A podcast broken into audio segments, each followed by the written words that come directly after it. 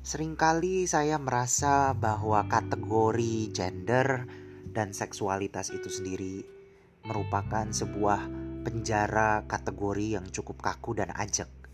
Karena kita diminta untuk melipat diri kita agar kita bisa masuk pada suatu kategori yang ada gitu ya.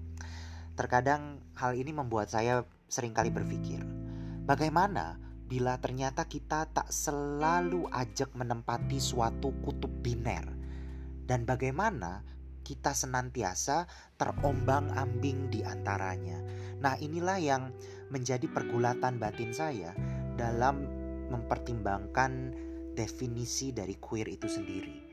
Bila queer merupakan suatu praktik perlawanan terhadap kekakuan identitas, barangkali sudah saatnya kita mengembrace kehidupan dan keberadaan kita yang selalu terombang-ambing berada di luar dari dikotomi yang biner.